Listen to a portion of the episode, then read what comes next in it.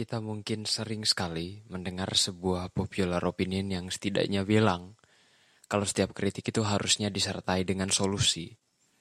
Tapi apakah sebenarnya setiap kritik harus datang sepaket dengan solusi kritik itu? Jadi episode ini akan bercerita kepada kalian perihal kritik dan ya kalian sedang mendengarkan Top to Talk Podcast.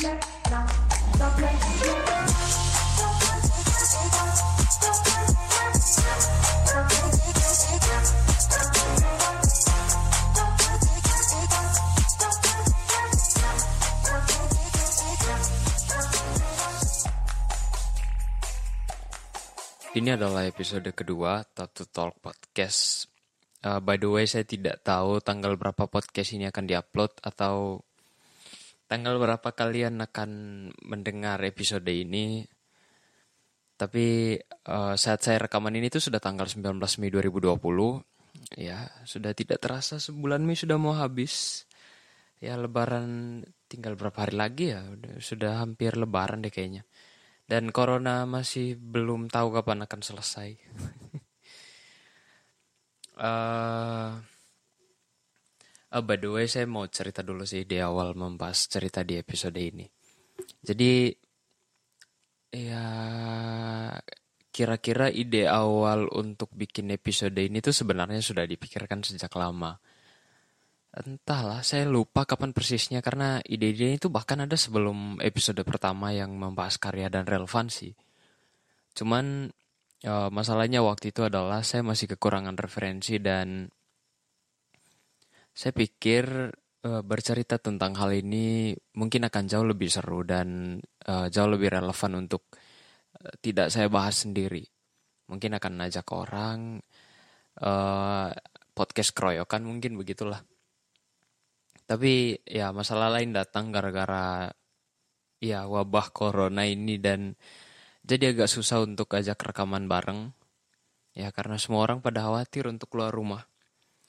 Orang cuma keluar rumah ya sekarang untuk ya aktivitas yang sifatnya esensial doang gitu. Walaupun yang lagi rame sekarang kan apa ya ada orang-orang yang tetap melanggar aturan-aturan itu itu. Ya dan tentu saja rekaman podcast tidak termasuk aktivitas yang esensial. ya ya kali kan kamu membahayakan diri gitu dengan nekat keluar rumah cuman buat rekaman podcast.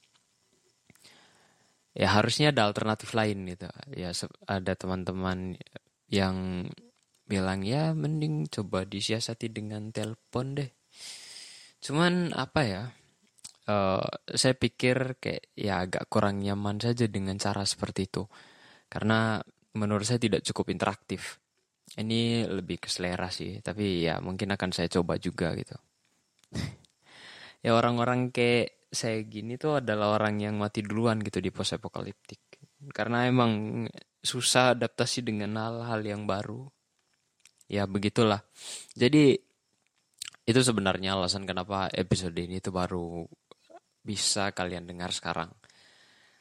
Nah, sebagai gantinya untuk isi kekurangan yang tadi itu akhirnya saya dapat banyak cerita dari teman-teman yang ya mereka membagikan pengalaman-pengalaman mereka untuk jadi bahan podcast ini dan saya bisa bilang kalau banyak unpopular opinion dari cerita-cerita ini. Ya juga ternyata keresahan ini tuh bukan cuman keresahan satu dua orang gitu, bukan cuman keresahan saya sendiri. Jadi banyak cerita masuk dan ya kita akan uh, bahas ini. Kalian akan dengar. Saya entahlah ini akan jadi uh, podcast yang cukup ngalor ngidul. Jadi uh, pada beberapa situasi itu saya tidak terlalu suka dikritik ya. dan uh, sepertinya tidak menyenangkan untuk menerima kritik dari orang-orang yang tidak saya kenal apalagi dari orang yang tidak saya suka ya dan banyak orang yang membagikan pengalaman seperti ini juga gitu. Tapi di sisi lain kadang-kadang saya suka sekali mengkritik apa-apa yang tidak saya suka. Sampai beberapa kali kritik itu saya sampaikan dengan terlalu partisan gitu. Dengan terlalu bersemangat. Nah saya kira yang punya keresahan itu uh, cuman saya doang atau satu dua orang gitu. Sampai akhirnya saya mendengar banyak teman-teman yang bercerita kalau mereka ternyata punya keresahan yang sama. Nah dari sini saya menemukan banyak sekali tipikal orang waktu memberi dan menerima kritik. Saya dapat banyak sekali cerita kalau ada beberapa orang yang sebenarnya ingin sekali mengkritik karena mereka tahu ada yang tidak beres gitu ada sesuatu yang tidak benar. Tapi ya di satu sisi mereka juga apa ya tidak enakan gitu. Uh, agak segan dan tidak siap kalau misalnya diserang balik. Ada yang juga takut memberi kritik itu karena orang yang mereka kritik biasanya pencapaiannya jauh lebih baik dari si pemberi kritik. Ini semacam menimbulkan perasaan yang bukan segan ya tapi ya lebih ke perasaan yang tidak percaya diri gitu. Nah, mereka ini tuh pada akhirnya jadi urung berkomentar dan menjadi jauh lebih selektif. Ya, mereka jadi lebih pilih-pilih kepada siapa mereka bisa mengkritik dengan bebas dan kepada siapa atau pada situasi seperti apa mereka merasa tidak perlu mengkritik. Terus ada juga tipikal orang yang mengkritik dengan cara-cara yang ternyata adalah cara yang salah. Cuman uh, kadang eh bukan kadang sih lebih sering gitu. Mereka sering kali tidak menyadari kalau cara mereka itu salah. Mungkin sadarnya belakangan gitu. Uh, misalnya kamu mengkritik dengan cara ini gitu. Kamu tahu ada yang salah nih tapi kamu berusaha untuk mengkritik juga dengan cara yang salah. Jadi ya apa yang kita dapat dengan cara mengkritik seperti ini gitu? Kalau menurut saya pribadi sih tidak ada ya. Dan yang paling mungkin itu hanya akan jadi bias. Ya akan kayak mungkin pembahasan tentang kritik itu akan akan bergeser dari uh, apa-apa yang sebenarnya menjadi pesan-pesan yang harus dibawa di kritik itu. Terus ada yang tanya gitu bang emang kritik yang benar tuh seperti apa? Dan batasan-batasan sampai mana kita bisa bilang kritik itu salah? Pertama Uh, saya tidak tahu batasan-batasan seperti apa kita bisa mengambil irisan mana kritik yang benar dan mana kritik yang salah. Tapi setidaknya kita bisa tahu kalau beberapa kritik itu sudah disampaikan dengan cara yang salah. Ya, sepertinya kita bisa sadar sih dengan pemahaman masing-masing gitu. Tapi paling tidak singkatnya tuh begini. Kalau kamu tidak suka misalnya dengan apa ya, apa yang paling dekat gitu dengan konten kritik. Uh, ini kalau kamu tidak suka misalnya dengan kebijakan pemerintah, tapi kritikan itu datang dengan maki-makian, dengan cara-cara yang tidak pantas, dengan cara-cara yang tidak etis, uh, atau mungkin ya menyerang secara personal, menurutku itu sudah tidak uh, tidak efektif dan hanya akan menimbulkan bias. Kenapa? Karena misalnya yang menerima kritik ini tuh merespon kritikan kamu kan. Nah, fokusnya itu akan segera bergeser ke maki-makian yang tadi gitu dan bukan pada pesan-pesan kritikannya itu. Kamu akan malah lebih ribut karena saling tidak terima dimaki lah, dicaci lah dengan cara kritik yang salah itu. Itu kenapa menurutku uh, kritik dengan cara ini itu hanya akan jadi bias. Nah, kita sudah lihat banyak sekali betapa banyak orang cerdas yang bermasalah karena kesalahan menggunakan cara yang tepat untuk mengkritik. Dan ini menurut saya salah satu kesalahan yang sering kali kita buat dan entahlah kita sadar ini atau tidak. Orang-orang yang menghina presiden atau pejabat negara misalnya, saya yakin mereka itu adalah orang yang cerdas gitu. Yang mungkin dalam perjalanannya pasti ya mereka merasa tidak ada yang beres dengan cara negara bekerja atau merasa ada yang salah dengan kebijakan pemerintah dan mereka mau mengkritik itu. Tapi ya caranya adalah dengan maki-maki gitu, ngatain goblok lah, komunis lah, Cina dan ya segala macamnya.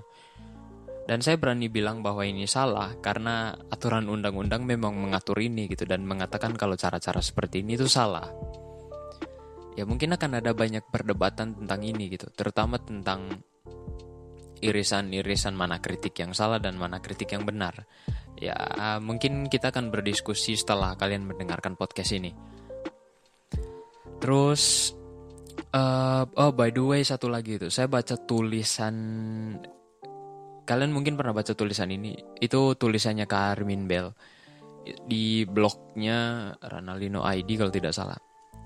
ada satu blog uh, satu tulisan dia membahas tentang ungkapan sakit hati yang bertopeng kritikan.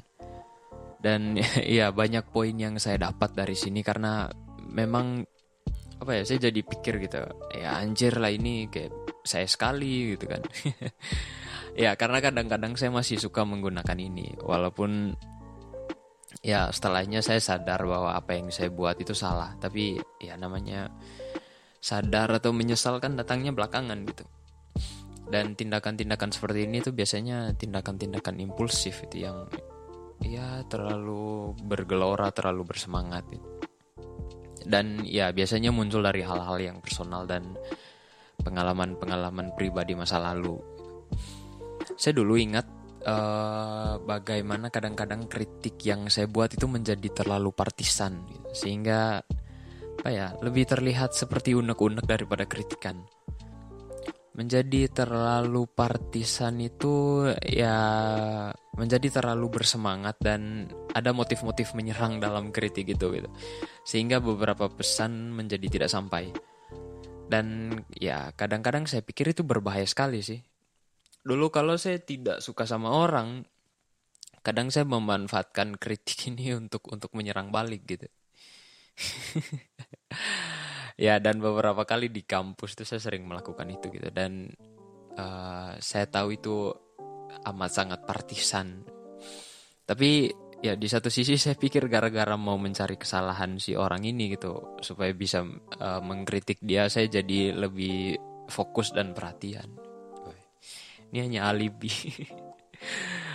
uh, setelah itu apa lagi ya?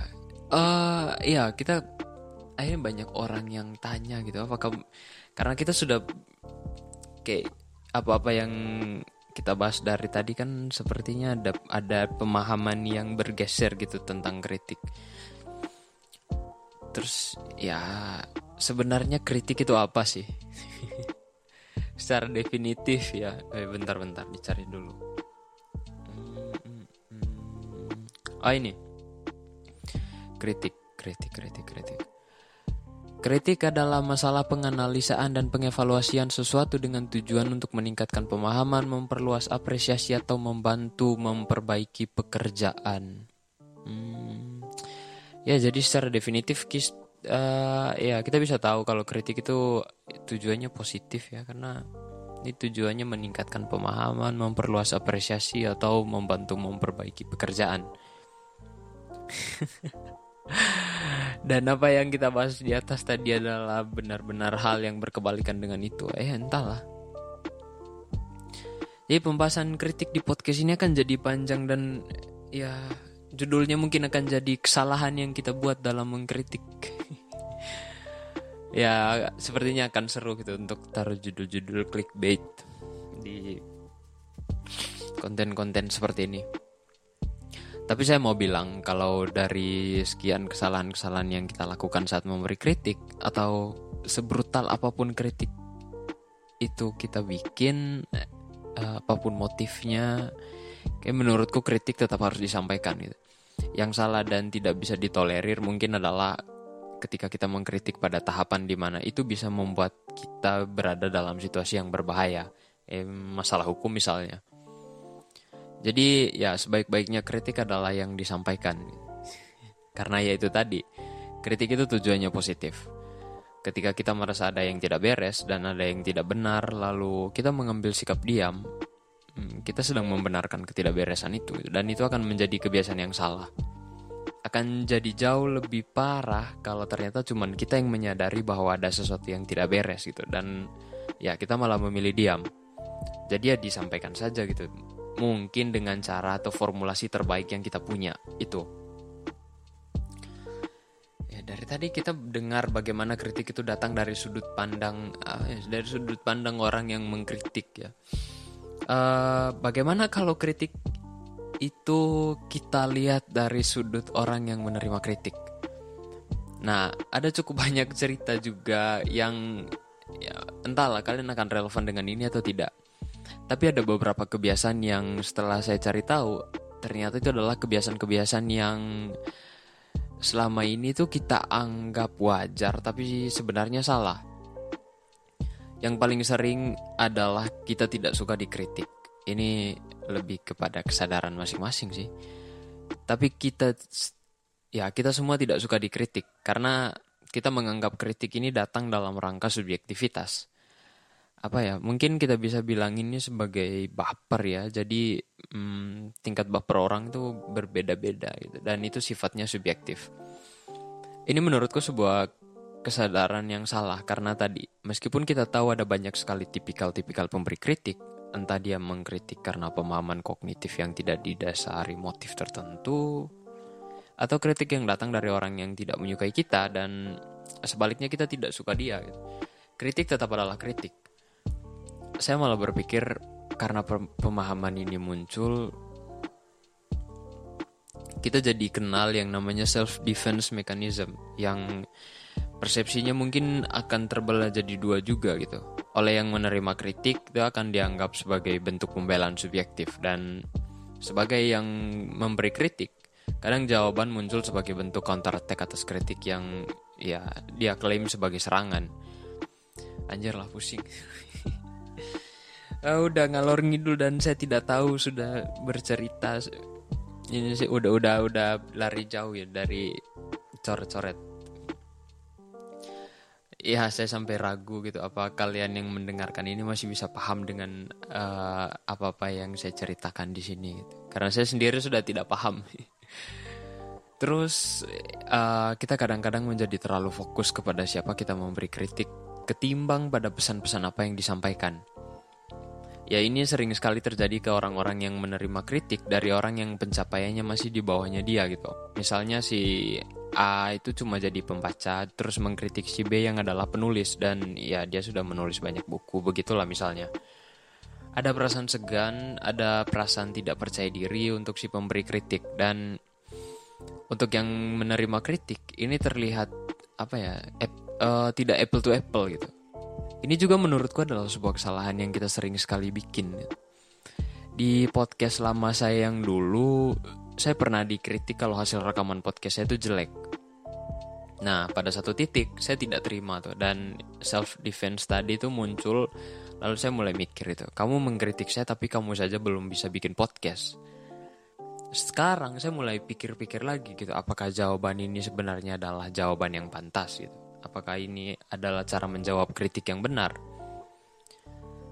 Ada cukup banyak kasus di mana kritik tuh akhirnya tidak sampai karena yang menerima kritik menaruh perhatian lebih besar dan porsi yang jauh lebih banyak kepada si pemberi kritik ketimbang pesan-pesan yang dia sampaikan. Kayak uh, ada orang yang bilang, "Halah kamu siapa sih mengkritik podcast ini?" gitu. Memang kamu bisa bikin podcast. Saya dulu sering sekali uh, pikir uh, dalam kepala saya itu menjawab hal-hal seperti ini. Terutama untuk mengcounter kritik-kritik yang ada di media sosial gitu. Maka yang uh, mulai dilakukan oleh yang menerima kritik ini biasanya adalah melihat profil si pemberi kritik dan mulai membanding-bandingkan pencapaian keduanya yang menurut saya itu sudah tidak substansial kritik ini sudah bergeser jauh sampai di titik di mana kita malah saling serang secara personal gitu dan bukan pada hal-hal yang substansial tadi. Jadi ya terlepas dari tujuan-tujuan orang memberi kritik, semua orang menjalankan peran yang berbeda saat memberi dan menerima kritik. Kayak misalnya kritik datang dari pendengar ke podcaster gitu. Si pendengar menjalankan perannya sebagai konsumen kan. Dia mendengar karyamu dan ya selayaknya pendengar yang baik, dia pasti akan memberikan kritik tanpa harus menjadi podcaster dulu gitu. Supaya ada sesuatu yang jauh lebih baik di podcastmu ya ada perubahan lah yang dia harapkan apa-apa ya eh, dari apa-apa yang kamu bikin. Setidaknya menimbulkan kesadaran dulu gitu. itu itu tingkatan yang paling rendah dulu. Atau uh, kritik datang dari pembaca kepada penulis gitu. Ya semua konten-konten atau hampir semua produk yang kita ciptakan ya harusnya seperti itu gitu jadi kita tidak bisa melarang atau menetapkan standar bahwa orang yang mengkritik adalah orang yang sudah menciptakan hal yang sama gitu. Tid, akan akan sangat sulit cara-cara seperti itu dan ya tidak relevan. Kalau kita bawa semua pemahaman ini terus ke eskalasi kritik yang ada di media sosial, ya bisa jadi cukup seru gitu. Dan ya kita akan menemukan hal-hal yang serupa. Ya tergantung di lingkungan mana kita bermain juga sih. Ya tidak semua media sosial menjadi toksik ya atau tidak semua media sosial tuh baik. Di media sosial ya ada domain atau komunitas-komunitas yang budaya dialektikanya bagus. Dan cara memberikan kritik ya seimbang dengan apresiasi Masalahnya adalah hal-hal seperti ini tuh jarang sekali kelihatan dan ya tertutup oleh gelombang besar anonimus kritik gitu. Apa yang kita sebut sebagai kritik yang datang dari orang-orang yang tidak kita kenal dan sifatnya random. Yang kadang-kadang tuh gelombangnya biasanya suka bergeser dari yang namanya kritik. Itu sekarang trennya tuh berubah ke hate speech saya berani bilang begini karena ya kita bisa lihat cara orang bermedia sosial hari ini gitu dan apa yang menjadi viral di media sosial. Kita kembali ke belakang sedikit waktu masalahnya Ferdian Paleka terus yang terbaru adalah Indira Kalista. Mari kita lihat komen-komen konten ini gitu. Tidak sedikit orang yang mengkritik dengan cara yang terlalu partisan bahkan ya sudah menjurus ke hate speech. Saya tidak bilang mereka ini tidak salah gitu. Saya juga tidak bilang mengkritik mereka adalah hal yang salah. Cuman ya apa ketika mereka bersalah itu berarti kita berhak mengkritik orang itu dengan cara memaki-maki gitu dengan cara yang salah. Saya suka caranya Arditya Erwanda kah? Ya pokoknya ya Arditya Rwanda dia menjelaskan eh, cara-cara ini tuh dengan ceri dengan apa ya dengan penggambaran gitu. Kalau misalnya ada ada anak yang tidak mau makan nih terus sudah waktunya jam makan kamu mau mengingatkan dia untuk makan tapi dengan cara mukulin kepalanya pakai sendok gitu. Tujuannya baik sih cuman ya itu tadi itu caranya salah. Apa pun uh, tujuan baik yang kita bikin kalau caranya salah ya apa pun itu sudah salah gitu. Jadi ya kalau anda adalah bagian dari gelombang-gelombang toksik ini ya muhasabah diri anda gitu. Ya eskalasi kritik di media sosial itu gila-gilaan sih dan itu tidak akan pernah habis untuk dibahas gitu. Karena gelombangnya akan datang terus menerus gitu. Terus datangnya tiba-tiba tapi langsung besar langsung viral gitu. Terus apalagi ya kesalahan-kesalahan lain yang kita bikin dengan jempol kita itu e, menjadi terlalu partisan di media sosial gitu. Seolah-olah kita bisa mengkritik apa-apa yang tidak kita suka gitu. padahal itu sebenarnya hanya masalah selera saya pernah bahas ini di podcast episode pertama juga gitu. Jadi ya kalian bisa dengar di sana soal uh, masalah selera dan relevansi untuk uh, mengkonsumsi produk-produk apa yang kita suka gitu. Terus nah ini bagian terakhir ini yang paling bikin saya kesel dan bingung sampai sekarang. Uh, karena alasan ini tuh saya taruh di paling belakang dan mungkin akan menjadi closing statement ya. Ada hal yang paling menarik dan mungkin saya bilang sebagai sesat pikir entahlah uh, kita mungkin masih bisa memperdebatkan ini gitu. Yaitu tentang kritik yang membangun uh, atau kita sering dengar dengan ya kritik yang konstruktif yang kalau kita sederhanakan kritik ini tuh harus berusaha memperbaiki kesalahan orang yang kita kritiki sehingga setiap kritik itu harus datang dengan solusi.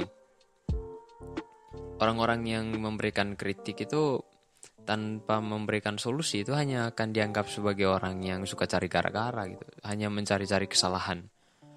Nah, saya masih bingung seperti apa sebenarnya uh, kita harus men, apa ya, kita harus menanggapi kritik yang membangun ini gitu. Apakah setiap kritik harus datang dengan solusi atau seperti apa? Karena menurutku ini agak lucu tapi memang kita sering kali terjebak di pemahaman ini gitu sehingga eh, kadang-kadang kita tuh tidak akhirnya jadi tidak berani mengkritik ketidakberesan gitu karena kita tidak siap dengan solusinya. Karena ada orang yang mau mau mengkritik tapi mereka tiba-tiba diberikan pekerjaan tambahan untuk ikut memberikan solusi itu pada kritik yang mau mereka sampaikan. Mungkin kita akan mendebat ini tapi menurutku tidak setiap kritik itu harus disertai solusi. Kenapa kita harus memberi tugas tambahan untuk memberi kritik dengan memperbaiki kesalahan kita dan ikut memikirkan solusi dari masalah itu? Ada sa uh, seorang kritikus teater Inggris itu namanya Kenneth Peacock Tynan dia bilang seperti ini A critic is a man who knows the way but can't drive the car atau apa ya kalau istilah lainnya itu ada yang lebih populer uh, because coach don't play ya jadi sebelum selesai saya mau bilang uh, ini ya di poin terakhir itu kritik yang membangun itu seperti apa sih? Mungkin ada teman-teman yang jauh lebih paham tentang ini, mungkin ya bisa memberikan uh, tanggapan. Tapi menurut saya uh, tidak semua kritik itu harus disertai dengan solusi, karena kadang orang hanya mau uh, melihat bahwa ada sesuatu yang salah dan ya itu menjadi tugas kita untuk memperbaiki kesalahan tersebut tanpa harus meminta si orang yang memberi kritik itu uh, menyertakan kritik itu dengan solusi. Terus uh, yang paling terakhir adalah tidak ada yang salah dengan memberikan kritik dan semua wajar. Cuman kita harus juga memperhatikan dengan cara seperti apa kita mau mengkritik. Itu saja. saya sudah ngelantur terlalu jauh dan saya makin bingung bercerita apa di podcast ini. Entahlah. Tapi menyenangkan untuk bercerita lagi. Ini episode kedua dan Sekian episode kali ini, Tap to Talk signing out.